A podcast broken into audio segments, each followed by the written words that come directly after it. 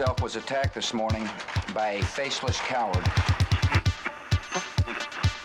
To have had the opportunity to serve the country I love.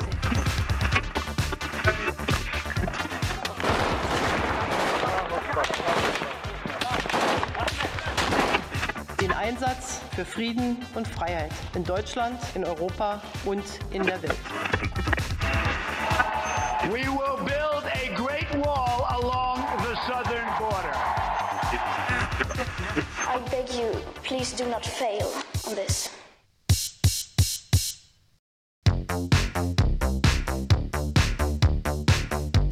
Góðan dag kæru hlustendur, þið eru að hlusta á 19. þáttin af heimskviðum. Ég heiti Guðmundur Björn Þorbjörnsson. Og ég heiti Birta Björnsdóttir. Í heimskviðum fjöllum við að vanda um það sem gerist ekki á Íslandi.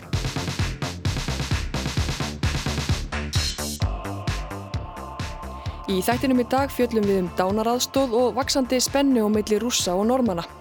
En við byrjum í Breitlandi. Breski íhaldsflokkurinn, littur af Boris Jónsson, fórsetisráð þeirra af hann, sögulegan sigur í þingkostningunum í síðustu viku. En hvað þýða þessi úslitt fyrir breyta? Sum hafa áhyggjur af því að sameinaða konungsríki Breitland liðist í sundur og jafnvel að það komi til átaka í Norður Írlandi eða nýju. Ólöf Ragnarstóttir tekur nú við. Good evening and welcome to the BBC News at 6 from Downing Street where Boris Johnson has promised to repay the trust of voters after leading the Conservatives to an extraordinary election victory.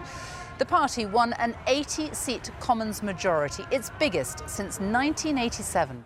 Hafir þú fylst með fréttum síðustu vikuna hlustandi góður þá fór líklega ekki framhjá þér að Boris Johnson bustaði Jeremy Corbyn í þingkostningunum í Breitlandi 12. desember. Í neðri málstofu Breska þingsins eru 650 sæti. Íhaldsflokkurinn sem Johnson leiðir fekk 365 þeirra og bætti þar með vissi heilum 48 sætum frá síðustu þingkostningum. Íhaldsflokkurinn fekk sann satt 80 fleiri sæti en allir hinnir flokkanir til samans. Það skal því engan undra að stuðningsfólk flokksins var létt í lund þegar niðurstöðunar voru kynntar. Það var eitthvað minna um kátínu hjá verkamannaflóknum sem tapaði 60 þingmönnum frá síðustu kostningum. It was a very different night for Labour, the party's worst performance since the 1930s. Jeremy Corbyn said he would not contest another general election as leader, but he hasn't stood down yet, despite calls for him to do so. Verkamannaflokkurinn fekk 202 þingmenn. Það er næstum öll síðan flokkurinn galt viðlíka afhróð.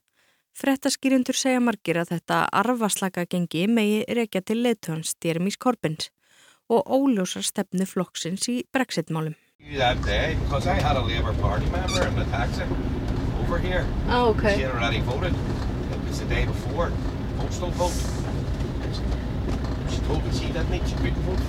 Þannig herði við í Jim, leigubilstjóra í Belfast, höfuborg Norður Írlands. Hann segist hafa vitað fyrirfram að verkamannaflokkurinn færi flatt því hann hafi degi fyrir kostningar kert konu sem var skráð í flokkin og hafiði kosið utan kjörfundar og hún hafi ekki eins og kosið sinn eigin flokk. Við heyrum meiraði Jim síðar í þessum pistli. Jeremy Corbyn ætlar að hætta sem leiðtói verkamannaflokksins og mögulegir arftakar eru þegarfarnir að láta sér kræla. Emily Thornberry, talskona flokksins í utaríkismálum, tilkynnti á miðvíkudag að hún sagtist eftir ennbættinu og fleiri hafa verið orðið við frambóð. En ólíkt Corbyn var Boris Johnson með skýr og frekar einföld skilabóð hvað var þar Brexit, bæði í kostningabarátunni og eftir að niðurstöðunar voru kynntar. With this mandate and this majority, we will at last be able to do what? You've been paying attention. Let's get Brexit done. But first, my friends, let's get breakfast done too. Thank you all. Nú getum við loksins strifið Brexit af. Það er einmitt það, þetta blessaða Brexit sem hefur yfirtekið brestsamfélag og bresk stjórnmál síðustu ár. En við skulum bregða okkur nú aðeins til Skotlands. Scotland made very clear last week that it does not want a Tory government led by Boris Johnson Þetta er Nikola Sturgeon, fyrsti ráð þeirra Skotlands og leðtögi SNP sem var ótvíraður sigurvegari kostningana í Skotlandi. Hún bendir á að það leiki engin vafa því að skotar hafi hafnað íhaldsfloknum og Boris Johnson. Þá ítrekkar hún að skotar vilji ekki yfirgefa Evropasambandið. Meir hluti þeirra kaus gegn Brexit í þjóðratkvæðagriðslinni. Our manifesto said this An SNP election victory will be a clear instruction by the people of Scotland new Stefnusgrá flokksins var skýr. Vinni SNP sigur í kostningunum eru það skýr skilabóðum að skotar eigi að fá að kjósa aftur um sjálfstæði á nýju ári. Hösti 2014 gengu skotar til þjóðaratkvæðagreislu um sjálfstæði, þá kursur um 55% þeirra gegn sjálfstæðu Skotlandi. Í ávarfi á miðugudag bylaði Nikola Sturgeon til skosku þjóðarinnar um að saminast um rétt skota til þess að ákveða sjálfur hvernig þeir haga sínum málum. SNP bætti við sig 13 þingmönnum í kostningunum og hefur nú 48 af þeim 59 þingsætum sem eru í Skotlandi. Íhaldsflokkurinn tapaði aftur á móti sjö sætum. I recognise the work we have to do to persuade a clear majority of people in Scotland that independence is the best future for our country. Sturgeon segist átt að sjá því að það sé ekki gefið að öll þau sem kusu flokkin séu endilega fylgjandi sjálfstæði skota. Á næstu mánuðum ætlar SMP að leggja fram ítarlegar upplýsingar um næstu skref og hvað það þýði fyrir skota fáðir sjálfstæði. Það er verðt að nefna það að ef við lítum á fylgi flokka eftir prósentum þá fekk SNP 45% atkvæða í Skotlandi. En hvert kjördæmi er einmenningskjördæmi sem þýðir aðeins einn þingmaður nærinn á þing, sá sem fær flest atkvæði. Þess vegna er oft mísarimi á milli fjölda þingmanna og fylgi flokka í prósentum í Breitlandi. En skotar vilja ekki íhaldsflokkin og ekki Brexit. Íhaldsflokkurinn er samt sem áður við stjórn og ætlar að ljúka Brexit, get Brexit done. Það er viðbúið að Johnson nái útgöngusamningnum í gegnum þingi nokkuð auðveldlega en þá er björnin samt ekki unnin. Við skulum rifja upp það sem Stefan Haugur Jóhannesson sendi herra Íslands í London sagði í lok oktober um útgöngusamning Johnsons. Samningurinn millir Borisar Johnson og Európa-sambansins er viðskilnaðarsamningur og lítur engöngu að útgöngunni sem slíkri hins vegar á eftir að semja um framtíðina. Hvað tekur við þegar að byggtímanum líkur og útgangan er yfirstæðin. Það er viðamikil og flókin vinna og mun taka mikinn tíma þannig að það mætti halda því fram að Brexit sé rétt að hefjast við sjálfa útganguna. Þar hafið það. Þeir þurfið þá ekki að hafa áhyggjur af því að heyra ekki meira Brexit í náinni framtíð ef við voru farin að örvænta.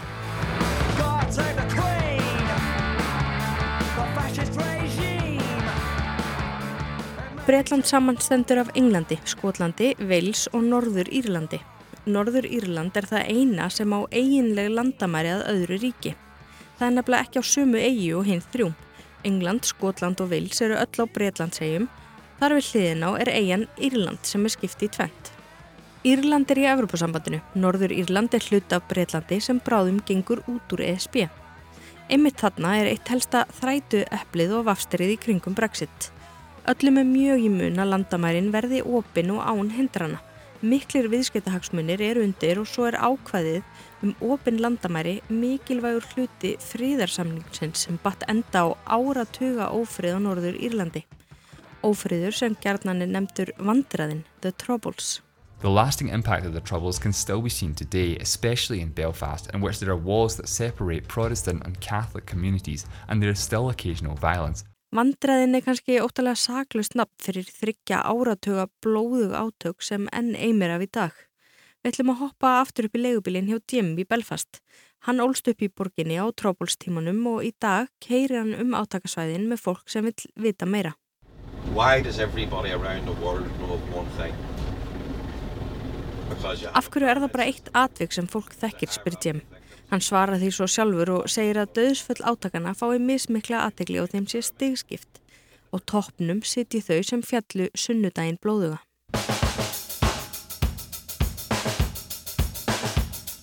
Bloody Sunday er ekki bara vinsalt lag með ísku hljómsettinni U2. Sunnudaginn 30. janúar 1972 skutu breskir hermenn á fólki í mótmælagöngu í borginni Derry eða Londonderry, næri landamæranum að Írlandi. 28 manns voru skotin. 13 létust samstundis og eitt til viðbútar á sárum sínum. Þannan atbyrð þekkja margir en færri vita kannski að á fjórðað þúsund létust í átökunum og næstum 50.000 særðust.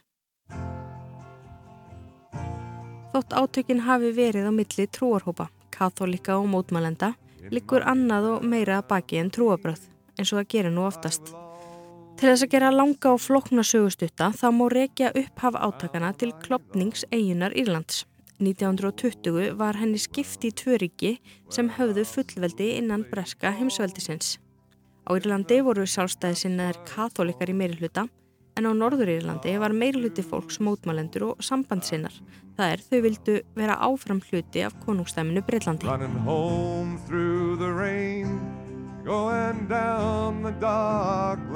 Mótmálendur höfðu áhyggjur á því að katholikar myndu reyna samin að Norður Írland og Írland á ný og heldu þeim þessuna frá völdum. Mótmálendur leggja mikla áherslu á að varðveita sambandi við Breitland og það er ennþann dag í dag nokkuð sínilegt þegar kertir um Belfast. Í hverfum þar sem mótmálendur búa er breski fánin ekki langt undan á meðan ísku fánanleitinir eru ábærandi í hverfum katholika. Sem sagt, átökin eru ekki trúalegs eðlis heldur snúast um þjóðerni og sjálfsmynd. Jim, leigubilstjórun í Belfast, laði mikla áherslu á það að á bakvið tölunar sem segja okkur það hversu mörg létust í átökunum sé fólk. But it's when you look at their faces you realise that they're not numbers, they're people. And when you look at these people you realise that they're all innocent people. Það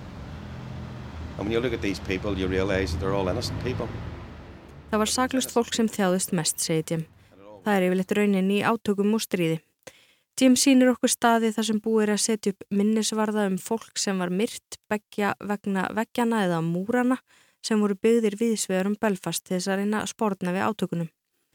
Flestir standaðir enn og eitt sá þekktasti stendur millir Shankill Road þar sem sambandsinnar og mótmálendur búa og Irish Republican Falls Road þar sem líðveldisinnar og katholikar búa.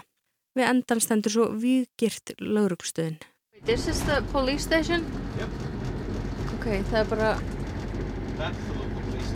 rísa stóru vekkur í hana. Svo hættulegt að vera löglumadur að þeir eru allir í brínvörðum skotheldum bílum. Jim segir lauruglumenn sinna hættulegasta starfinu á Norður Írlandi. Það raunar ekki lengra síðan en í apríl á þessu ári sem ung kona var skotin til bana. Jim segir að þótt flestir haldi að The Troubles heyri sögunni til sé það alls ekki svo. The troubles of Northern Ireland, people around the world believe that they're finished. Well, they're not. The IRA could not convince all their members to lay down their arms and they formed a breakaway group and at the minute they are still trying to kill police officers. Samtök sem kalla sig nýja íska líðveldisherin hafa viðurkent að eiga sök á morði norður ísku bladakónunar Læri Makí. Hún var skotin bana í krekkan hverfinu í Derry eða London Derry á fymtudag þar sem hún fyldist með óverðum sem þar geysuðu. Læra Makí var ekki lauruglu þjótt en samtökin sem bera ábyrð á morðinu sögust hafa skotið hana fyrir slistni. Skotið hafi verið ætlað lauruglumanni. Í skoðunaferðinni með Jim ítrekar hann að það sé mikilvægt að muna að það sem fyrir auguber sé það sem báðir hópar vilji sína fólki.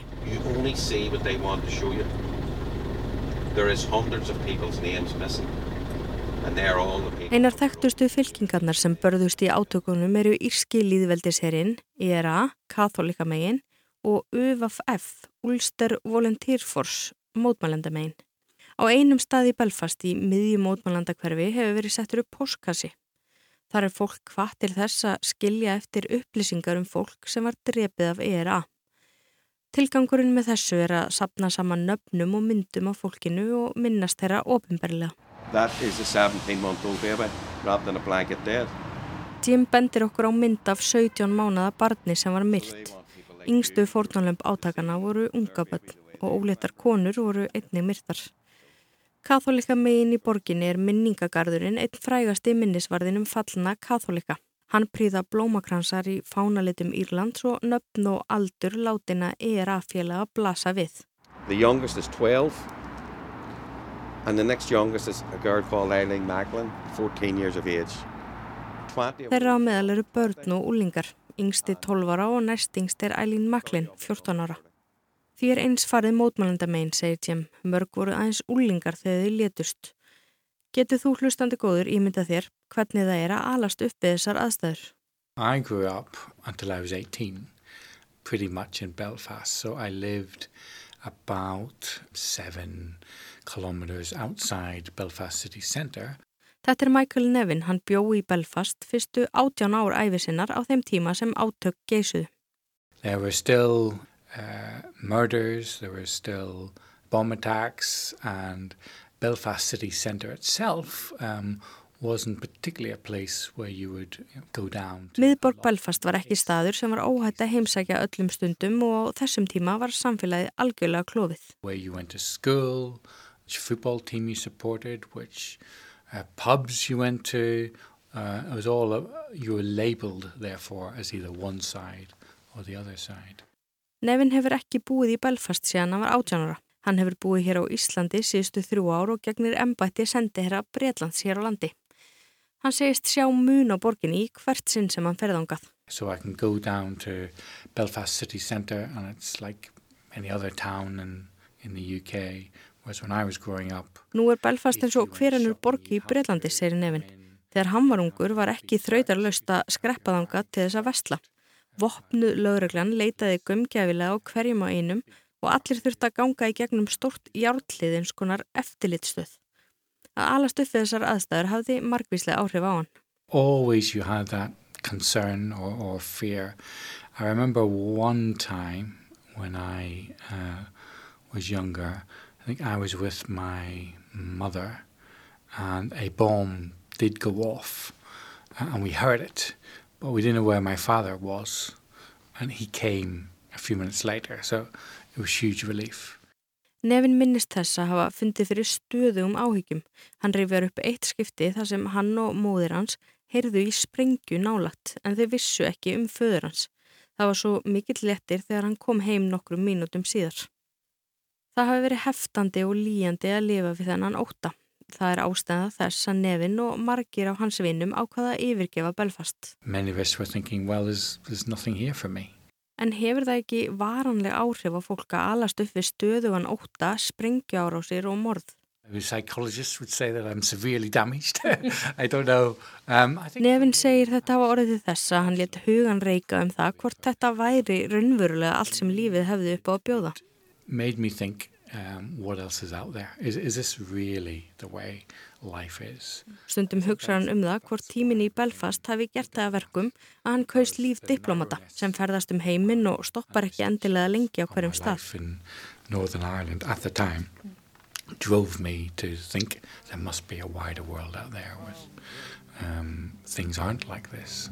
They were happy days in so many, many ways in the town I love so. Og ástandið er sannlega ekki eins í Belfast í dag. Formlega var samið um frið árið 1998. Nánar tiltekið þann 10. apríl sem bar upp á förstu daginn langa og er samkominlega í kent við hann, Good Friday Agreement. Nevin hefur ekki jafn miklar áhugjur og Jim, leigubristjórin, af því að ófríður blossi aftur upp á Norður Írlandi. Clearly there are some very, very, very uh, small indications and, and a small, very small number of people who Hann segir að það sé afar fámennur hópur sem vilja grípa til átaka á ný. Það sé hins vegar fagnarefni að það sé mikil samstaða bæði innan samfélagsins í heild og hjá stjórnmálafólki um það að halda friðin.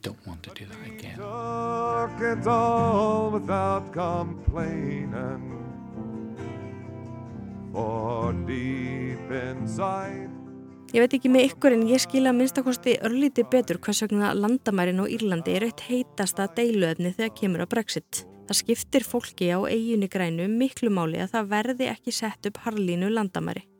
Um það snýst einmitt hinn svo kallaða baktrygging eða backstop.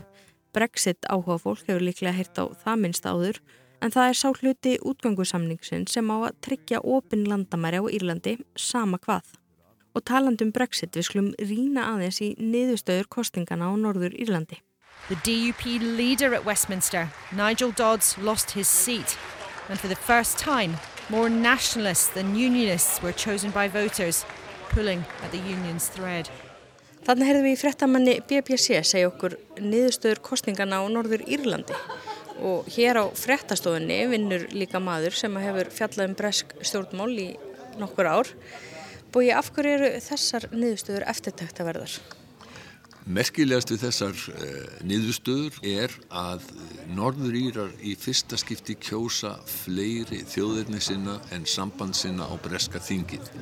Nú er það hins vegar svo að uh, þjóðirni sinna sem að margir eru sinn fein uh, sem að er, var mjög tengt íska liðvildisernum, þeir taka ekki sæti á breska þinginu, þeir get ekki hugsa sér að sverja breska konungsveldinu hotlustu sína. Þannig að raunverulega munu sambandsinnarnir verða fleiri á þinginu frá Norður Írlandi en þeir þjóðurnisina voru fleiri sem voru kjörnir og þetta eru umtalsverð tíðindi, politíks tíðindi á Norður Írlandi. Svona í lokin Boris Johnson og íhalsflokkurinn er með góðan meirlut á þinginu þannig að viðbúið að hann fái samningin samþyktan núna á þinginu. Eigum við að sláði förstu að breytar gangi út úr Evrópusambandinu 31. januar?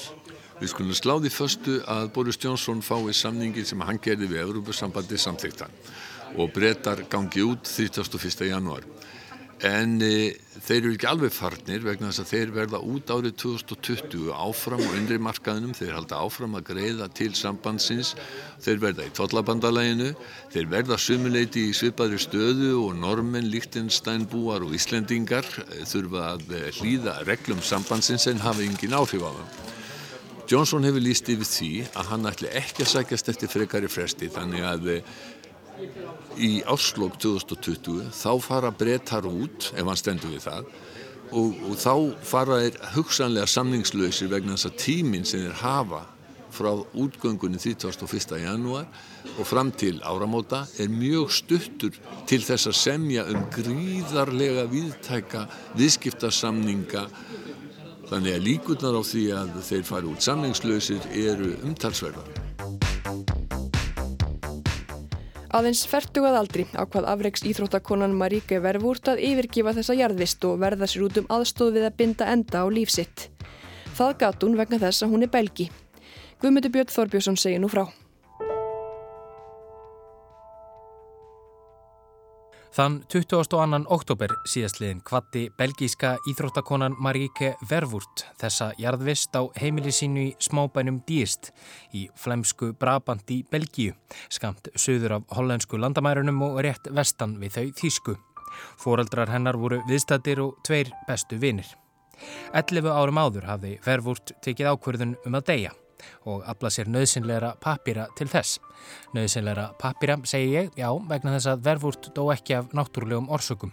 Læknir spröytaði hana með banvænum skamti róandi livja, eitthvað sem verfúrt hafði sjálfa ákveðið og eitthvað sem verfúrt átti rétt á, hendir líknar dráp löglegt í Belgíu. Til þess að mega degja á þennan hátt, löglega, og þannig að læknir verið ekki sótur til saga fyrir manndráp, þarf sjúklingurinn að standast ströng skilirði.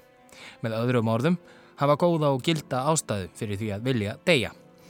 Og það hafði Maríke Vervúrt sem hafði frá úlingsaldri þjáðust af alvarlegri vöðvarhörnun sem olli henni ómældum þjáningum upp á hvern einasta dag. En Vervúrt var ekki þekktust fyrir það að vilja deyja eða að hafa fengið til þess löglega aðstóð. Hún var einn helsta afreiks íþróttakona belga og vann meðal annars til gullverluna og olimpíleikum fallara í Lundunum árið 2012. Í gegnum íþróttafreik sín fann hún tilgang í öllum sársökanum en hún var fyllilega meðvituð um að hún gæti ekki haldið þessu áfram fram á gamalsaldur en það sár kvalinn hvern einasta dag. Hún fekk ósk sína uppvelta og var búin að kveðja vini og fjölskyldu. En það er ekki allir á sama máli þegar kemur að líknardrápi og hvort það sé siðferðislega réttlætanlegt.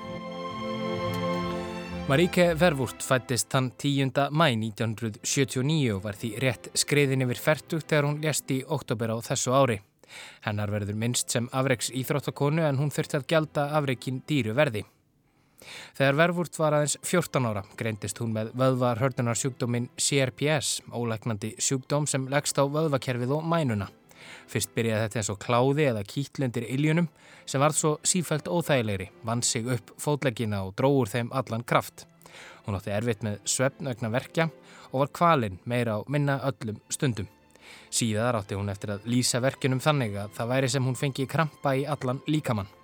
Úlingsárum sínum varði verfúrt á hækjum og um tvítugt var hún komin í hjólastól. Læknar gáttu veit henni fá svör þegar vissu að þetta var vöðvarhördunarsjúkdómur en hvers vegna hann herjað á hana gáttu þeir ekki svarað. Hún fór að fá regluleg flogaköst og sjón hennar verstaði. Sem barn og úlingur hafði verfurt dremt um að verða kennari en þeir draumar dói með hrakandi helsu. En þrátt fyrir mótlætið fann verfurt að endingu sinn tilgang í íþróttum. So Michelle Stillwell of Canada would be the favourite to win this one in lane 7. And, uh, Hún hófað stunda hjólastóla, körfubólta og köfun og náði góðum árangri í þrýþraut. Hún var meðal hans heimsmeistari í sínum flokki í þrýþraut fallara bæði 2006 og 2007. Þegar verkirnir fóruð að taka enn frekari toll af henni varð hún að hætta í þrýþrautinni og einbetti sér þessi staðað hjólastóla sprettlöpi. Þar náði hún sömulegis frábærum árangri, kefti á tvennum olimpíuleikunum og var landstækt í Belgiu þegar hún tók gullið heim í 100 metra spretti á olimpíuleikunum í Lundunum árið 2012. Women's 100 meters T52 final and they're away. It's the two American girls away well but it's Marika Vervoet of Belgium. En að baki þessum dýriðar ljóma er dekkri hlið. Undir lok þrítusaldur sinns var verfúrt orðin svo aðfram komin að verkjum að hún íhugaði að svifta sig lífi. Hún sankaði sér verkja á deyfilifjum og ætlaði sér að innbyrða þau öll í einu þegar sásökinn yrði of mikill. I, I started up to, to collect all my medication to do a suicide. because I was thinking if this is going to be worse and worse, I can't live with uh, with this problem. It's too painful. It's I can't I can't handle it anymore like that. En þá komst hún í kynni við Vim nokkur Distelmans belgískan lækni sem hefur barist ötulega fyrir réttinum til þess að deyja með aðstóð læknis, það er líknardrápi. Og það var hann sem kynnti verfurt fyrir þeim möguleika að fá aðstóð við að deyja, sæði hún ekki fram á að geta haldið áfram. Þetta var eitthvað sem verfurt hugnaðist. Fram að því hafði hún aldrei leitt hugan að líknardrápi. Hún vissi til að mynda að um líknardráp væru skiptar skoðanir jafnvel þótt að væri löglegt í Belgíu. Meðal annars væri það foreldrum hennar erfið tilhugsun. En hún held áfram að hitta Distelmans lækni og veitti hann henni hitt faglega samþykki eða leifið sem þarf til að gangast undir líknardráp. Hann bætti því þó við að hún var ekki tilbúin alveg strax. Það samþykti hún enda hafði verfurt engan áhuga því að deyja á þeim tímapunkti. En hún vissi að að því kæmi og því vildi hún hafa öll tilskilin leifi við höndina. With the euthanasia it gives me hope again Sem fyrir segir hefur líknardráp verið löglegt í Belgíu frá árinu 2002. Það er þó aðeins í bóði fyrir sjúklinga sem þykir sannað að þjáist af sjúkdómum sem eru ólæknanleir og valdi óbærilegum þjáningum. Í fyrra fengu tæplega 2500 sjúklingar aðstóð við að deyja þar í landi. En líknardráp er þó fjarið því að vera óumdelt.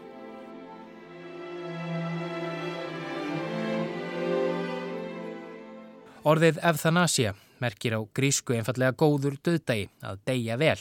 Euthanasia er einmitt orðið sem flest tungumál nota þegar talað er um líknardráp. En það er ekki allir á því að líknardráp sé góður döðdægi og það getur verið erfitt að skilgreina hvað nákvæmlega fælst í hugtakinu líknardráp. Hvers vegna sumum þykir það siðferðislega óréttlætanlegt og hvernig það greinir frá hefðbundinni líknarmeðferð. Við þekkjum flest hérna hefðbundnu líknandi meðferð sem stundum er nefnt stóðmeðferð eða líknarmeðferð. Slikri meðferð er beitt þegar beitni læknismeðferð á viðkomandi sjúklingi er hægt og í stað þess leitað leiða til að halda sjúklingnum eins verkja lausum og hægt er, oftar en ekki með sterkum verkjalifjum. Tilgangur slikrar meðferðar er einfaldur að lína þjáningar sjúklingsins og gera líf hans bærilegra. Á sama tíma er sem fyrir segir læknismeðferð hægt og því líkur á því að líknar meðferð endi á því að sjúklingurinn deyr. Líknandi meðferð er stunduð út um allan heim meðal annars á Íslandi en á henni og því sem kallað er líknar dráp er nokkur munur þó því grunninn sé hann kannski ekki svo mikil. Munurinn á líknar drápi og líknandi meðferð er sáð á meðan líknar meðferð léttir sjúklingi dauðastríð ber sá sem fremur líknar dráp ótvíðræða ábyrð á dauða hins látna. Þorstein heitin Gilvarsson segir í bóksinni frá 1998 um líknardráp. Það er líknardráp ef maður stuðlar beint eða óbeint að dauða, annars vegna þess og þess eins að dauðin er hinnum degjandi manni fyrir bestu. Sannkvæmt þessari skilgreiningu er það líknardráp þegar einhver aðstóðar viðkomandi við að deyja. En skilgreining Þorsteins um að líknardráp eigi sér stað vegna þess að dauðin sé hinnum deyjandi fyrir bestu getur valdið ágreiningi. Hver ákveður það hvort dauðin sé viðkomandi sjúklingi fyrir bestu? Annar íslenskur heimsbyggingur Vilhelmur Átnársson bætir því við skilgrinningu þóstensa þegar um er að ræða líknardráp sé dauðin ekki aðeins sjúklingnum fyrir bestu heldur stríði hann ekki gegn vilja hans. Mikilvægt sé að bæta einn klausunum að líknardráp stýði ekki gegn vilja sjúklingsins því annars geti líknardráp verið líknar morð. Það er að verknaðurinn sé framinn gegn vilja sjúklingsins. Eðlimálsins sangkvæmt þar því að var skýran lagarama utanum liknardráp í þeim löndum sem það er leift. Þannig er málum háttað í Belgi og því fekk Maríke Vervúrt að deyja í oktober síðastlinu með aðstóð læknis. Læknirinn verður ekki sóttur til saka fyrir morð, líkt og hann erði líklega á Íslandi. Líknardráp er aðeins löglegt í fimm löndum, Kólumbíu, Luxemburg, Hollandi, Kanada og í Belgi. Sinn er siður í landi hverju og mismunandi hvernig lagarsætningar sem lútað líknardráp er háttað í þessum löndum. Það sem stundum er kallað aðstóð við sjálfsvík eða assisted suicide er leifilegt í Sviss, Hollandi og Þískalandi og tíu ríkjum bandaríkjana. Munurinn á líknar drápi og aðstóð við sjálfsvík er sá að hefð síðarnemda fælst í því að læknir skrifar í flestum tilvikum upp á banvannan skamti livja sem sjúklingurinn innbyrðir sjálfur og aðstóðar því ekki á beinan hátt við dauða sjúklingsins. Í belgískum lögum er hveðið áum að sjúklingnum sem er heimilega að fá aðstóð við að deyja þurfa að vera með ólæknandi sjúkdóm, upplifi miklar kvalir og með réttu ráði andlega.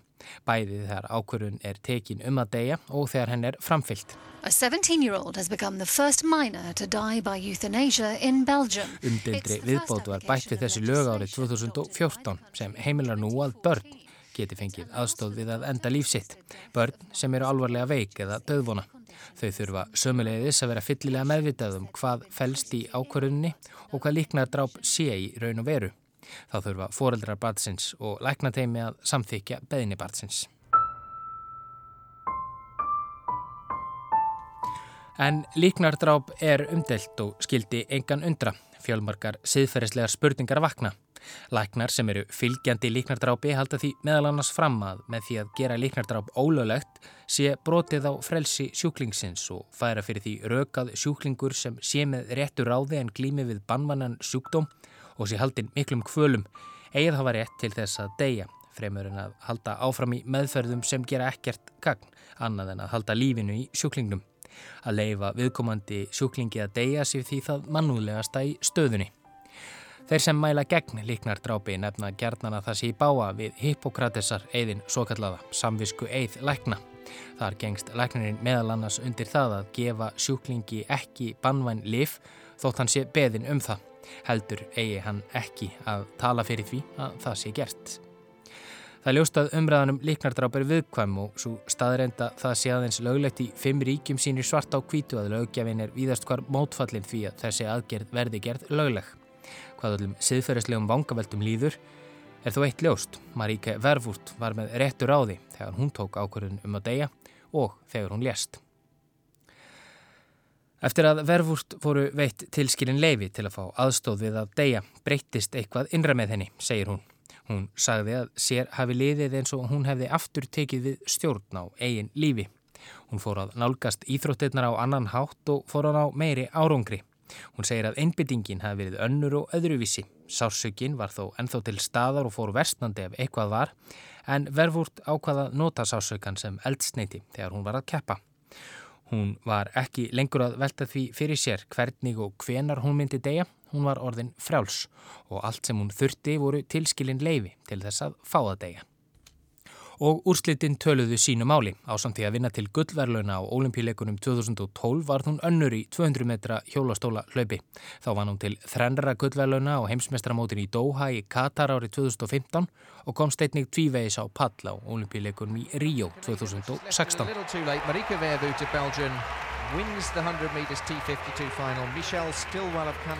Og það var einmitt í kringum olimpíuleikana í Ríó sem rattir fór að heyrast um að Verfúrt væri búin að taka ákverðun um að deyja. Ástæðuna má rekja til fréttaflutnings í Belgíu. Það hafði spurst út að Vervúrt værað hugleiða líknardráp sem var vissulega rétt. Fréttin spurðist út til erlendra fjölmiðla, sagan breytist fljótlega á þá vegu að Vervúrt ætlaði að binda enda á eigið líf eftir ólimpíuleikana í Ríó. Í stefnan gullið átti hún að hafa sagt svo drep ég mig. Og þessu var slegið upp í gulupressunni á Breitlandi meðal annars, hvorki meira enn í minna. Vervúrt saði þetta aldrei og henni sárnaði umtalið Á bladamannafundi ákvað hún að leiðrétta miskilningin. Hún væri ekki að fara að drepa sig eftir olimpíuleikana í Ríó en það væri satt að einn daginn myndi hún fá aðstóð við að enda lífsitt. Sú vitneskja hjálpaði henni gegnum sársökan og þunglindið. First of all, uh, I think there is a great mistake about uh, what press told in Belgium. They used the title that I quit after Rio and right after Rio, the Paralympic Games, that I go over to euthanasia. And this is totally out of the question. Yes, this is my last Paralympic Games. Fleiri lönd dættu að gera líknardráp löglegt, sagði hún ennfremur. Ég vil ekki þurfa að þjást í dauðastrið mínu. Ég vil fara á friðsaman hátt með fólkið mitt í kringum mig, fólkið sem ég elska. Í grein Andrew Key, bladamanns á New York Times, fjallar hann um samskipti sín við Vervúrt en hann fylgdi henni eftir síðustu mánuði lífsennar. Eftir að Vervúrt lagði skóna á hilluna breytist áhugi fólks á henni og hann sá hvernig Vervúrt fór sjálfa að taka breytingum bæði andlega og líkamlega. Stundum var hún káti bræði og orkumikil en með tímanum fór hún að verða þjáðari af verkjum og því fylgdi þunglindi. Sársöki hennar jógst dag frá degi og um mitt ár 2017 var hún orðin háð morfíni. Dagar sem eitt sinn engendust af hörðum, æfingum og aðtegli engendust nú af spítalaheimsóknum, meðferðum og livjamóki. Það reyndist henni erfitt að ákveða sjálfan dánardaginn. Hún átti vini og fjölskyldu sem hugsuðu um hana og þótti væntum hana. You have parents who take care of you and love you. You have friends who take care of you and and love you and yeah it's very difficult to yeah to say to everybody hey guys now it's done now i i'm i'm quit with everything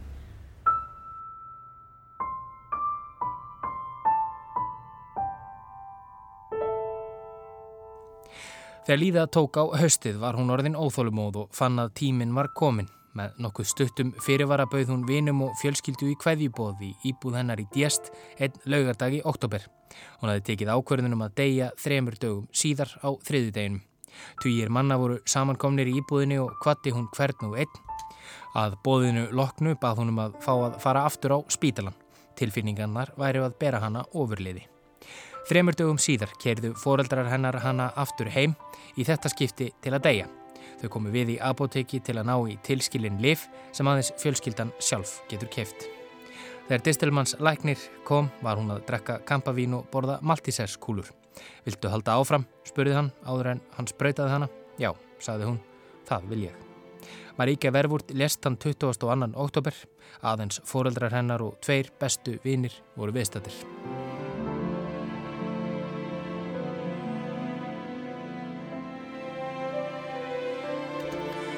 Saga Maríke Vervúrt er ekki einstæmi eins og dæmin sína. Þúsundir deyja ár hvert með aðstóða lækna í þeim fáu löndum sem það er leifilegt. Og þótt umræðanum líknardráp og löglegingu þessi sífælt að verða háværari verður að teljast ólíklegt að mikið fleiri lönd en Belgia, Holland, Luxemburg, Kolumbíu og Kanada ákveði að lögleiða líknardráp. Líknardráp vekur ekki aðeins upp siðferðislegar spurningar, heldur einnig pólitískar og trúarlegar. Þá benda tölur til þess meðal annars í Hollandi að færri degi eftir líknardráp en áður. 4600 manns dó á fyrstu nýju mánuðum síðasta ás eftir líknardráp í Hollandi sem er 9% færri en árinu áður. Engur vilja meina að það sé vegna þess að læknar séu tregari en áður við að aðstóða fólk við að binda enda á lífsitt að ótta við það að verða sóttir til saka. Já, því þótt líknardráp geti verið löglegt er það samt á gráu svæði. Það sannaðist í tilfelli hollenskrar konu með heilabilun sem hafði, líkt og verfúrt, aflað sér formlegs leifis til að fá aðstóð við að deyja. Þegar til kastana kom streytist konan hins vegar á móti en ættingar hennar heldu henni og gáfi henni deyfilif áður en læknir spröytaði hana með lifi sem var þenni að bana. Þetta mál var það dómsmáli og endanum var læknirinn síknaður en sínir svart á kvítu að enn er margt óljóst um hvernig eigi að standað líknardrápi þótt að sé löglegt. Verfúrt sjálf var þó alltaf á þeirri skoðun að lögleðing líknardráps geri líf sjúklingsins bærilegra. Það var hennar reynsla eins og hún kom inn á á bladamannafundi á olimpíuleikunum í Ríó 2016, þremur árum áður en hún lést. And I hope that uh, other countries like Brazil can talk about it and that it's no taboo anymore. Rússar eru víða að færa sig upp á skaftið í výbúnaði. Einn áfangastæðurinn er Kólaskægi sem er skamt frá norður Noregi. Norðmenn sem hinga til að hafa lifað í góðri sátt við þessa granna sína eru órálegir yfir þessari þróun. Hallgrímur Indriðarsson tekur nú við. Víða hafa minn áhyggjur af auknum umsveifum rúsa. Þeir hafa stöðt árásir í Georgíu til að stiðja sjálfstæðisbaróttu tvekja sjálfstjórnaríkja landsins. Þeir hafa ráðist inn í austurhluta Úkrænu og á Krímskaga og vísbendingar eru um aukin výbúnað í Kaliningrad svæði sem liggur að Pólandi og Litáin og er undir yfiráðum rúsa. En þeir eru líka að auka umsif sín á meginlandi Rúslands, engum og sér í lægi nýrst í landinu. Þeir hafa meðal annars verið að byggja upp stæsta flótasinn, Norðurflótan, á Kólaskaga í norðvestur hluta landsins. Þessi flóti hefur stundað sífælt umfangsmeiri kábátaæfingar í Barentshafi. Það svæði er bísna nálegt norsku yfiráðasvæði og þetta hefur vakið nokkra umræðu og stundum óhug í Noregi. Það á sérstaklega við um Norður Noreg. Íbúar þar hafa reyndar verið í töluverðum samgangi við rúsneska nágræna sína í norð-vestur hluta landsins. Þetta á yngum við um norska bæin Kirkenes og rúsneska bæin Múrmansk. Kirkenes er aðeins í tíu mínútna fjarlæð frá landamærunum að Rúslandi og kólaskægi er rétt handan þeirra. Thomas Nílsen, rittstjóri blaðsins Barents Observer sem fjallað hefur tölvert um þessi mál, býr í Kirkenes. Det har skjedd en, en ganske dramatisk endring de siste to-tre årene. Það hefur átt sér stað mikil breyting síðustu 2-3 árin. Heræfingar hafa fæst í aukana og það hefur verið að æfa meira árásir en varnir. Det er fem ganger nå de to siste årene har vært jamming av GPS-signaler. Hér í Kirkenes höfum við dæmi um það sem óbreyttir borgarar að fimm sinnum hafa orðið trublanir á GPS-merkjum. Þetta hefur áhrif á hefðbundnar flugsamgöngur og skapar almennt óöryggi, segir Tómas. Hann tekur þó fram að æfingarnar eru að mestu með kábátum og því sjáist þær ekki. Rasmus Geðsjö Bertelsen er professor í norrænum fræðum við háskólan í Tromsø. Hann er alin upp að hluta á Íslandi. Hann telur að líta verði á aukningu hernaðarumsuga rúsa á þessum slóðum í sögulegu samhengi. Tíundi áratugurinn hafi við margt verið ofennjulegur. Rúsneska samfélagi var í ótrúlega uh, liðlegu ástandi og þess vegna líka rúsnesk hermál með hærri ólju og gasverð og Rúsland eru þetta hagkerfi sem byggist í miklu mæli á útflutning ólju og gas og þá líka stjórn uh, Vladimir Putin þá hefur þetta verið efnahagsleg og þess vegna líka hernaðleg uppbygging í Rúsland. Það megið því ekki líta á árin eftir kaldastríðið sem dæmigerð ár. Tómas er hins vegar ekki sammála því að æfingarnar nú séu líkar því sem átti sér stað í kaldastríðinu og það á ekki bara við um umfangið heldur staðsetninguna. Øvingsaktiviteten til Nordflåten, altså den russiske marinen, foregår... Æfingarnar eiga sér nú stað lengra í vestur og söður átt, sem sagt út á Norekshafið. Þar hafa rússar ekki verið með heræfingar fyrir síðustu tvö árin, segir Tómas. Å... Í kaldastriðinu æfðu rússar aðeins í austurhluta Barentsafs. Með þessu vilja þeir sína að þeir geti prófað sinn her og teikt arma sína alla leið á hafsvæðið millir Grænlands, Íslands og Bretlands. Rasmus segir að þessi hernaðarum sig rúsa á norðurslóðum séu ángi af vaksandi spennu milli Rúslands og Vesturlanda. Síðast þá verður að hafa mjög mikið í huga um, að norðurslóðir eru ótrúlega mikilvægir hernaðarlega, efnahagslega fyrir Rúsland. Svo það er þess vegna Rúsland er svo ótrúlega virka á þessum svæðum. En norðmenn hafa áhyggjur af því hvað sé verið að æfa í Barentsæfinu. Tómas segir að rússar hafi notað svæðið til prófunar á meðaldrægum flaugum sem er bæði skotið af skipum og kafbátum. Síðustu vikurnar hefur hljóðfráum skotflögum einnig verið skotið af flugvelum. En það kemur meira til.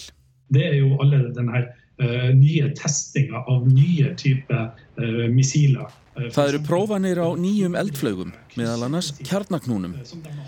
Það hafa verið slis tengt þeim í sumar og því getur fyllt geislavirkni. Það er ekki þægilegt að vera nálagt slíku, segir Tómas.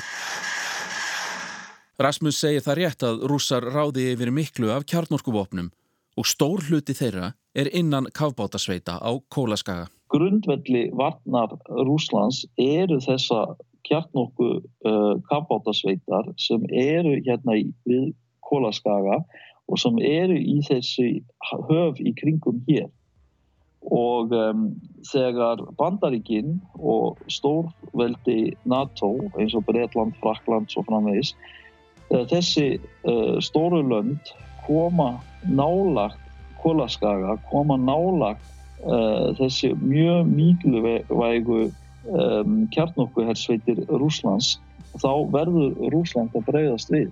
Rúsar hafa sagt að þeir þurfi að auka viðbúnað hjá sér til að verja sig og nefna í því samhengi að NATO sé búið að koma upp flotastöð í Noregi. Þá er þess skemst að minnast að stór NATO-æfing Trident Juncture var haldinn í Noregi í fyrra. Þetta er breyting frá kaldastríðinu. Þó að Noregur sem NATO-ríki hafi þá verið í nánu samstarfi við bandaríkinum til dæmis ratsjárkerfi, leiðu þeir aldrei erlenda herstuð á sínu svæði af virðingu við rúsa og ekki heldur herafingar. Norski herin hefur hins vegar sagt að rússar séu með þessum auknu umsöfum nú að senda ákveðin skilaboð. Það sé eins gott fyrir normenn að vera ekki hluti af eldflögavarnarkerfi NATO.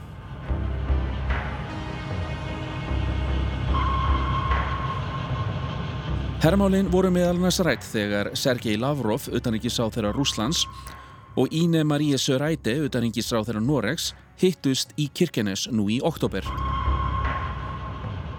Lavrov sagði þar að rússar hefðu áhyggjur af auknum hernaðarum sögum NATO. En rússarnir væru aðeins í lámarksvörnum. Rétt eins og Noregi stafar ógnaf rússum, stafar Rúslandi ógnaf Noregi, segir Lavrov. Það verður að taka á því eftir því hvernig hlutinni þróast og við verðum að sætta okkur við það. Söræti benti hins vegar á móti á að síðan Noregur gekk í NATO 1949 hafi það verið hluti af vörnum þeirra að æfa með öðrum bandalagstjóðum og það ætti ekki að koma rúsum á óvart. Við lítum ekki á Rúsland sem hernaðalega ógngakvart Noregi en við fylgjumst vel með auknum hernaðarinsufum í rúsneskum hluta nágrænis okkar, segir Söræti. Rasmus segir að þarna sé ákveðið samspil í gangi.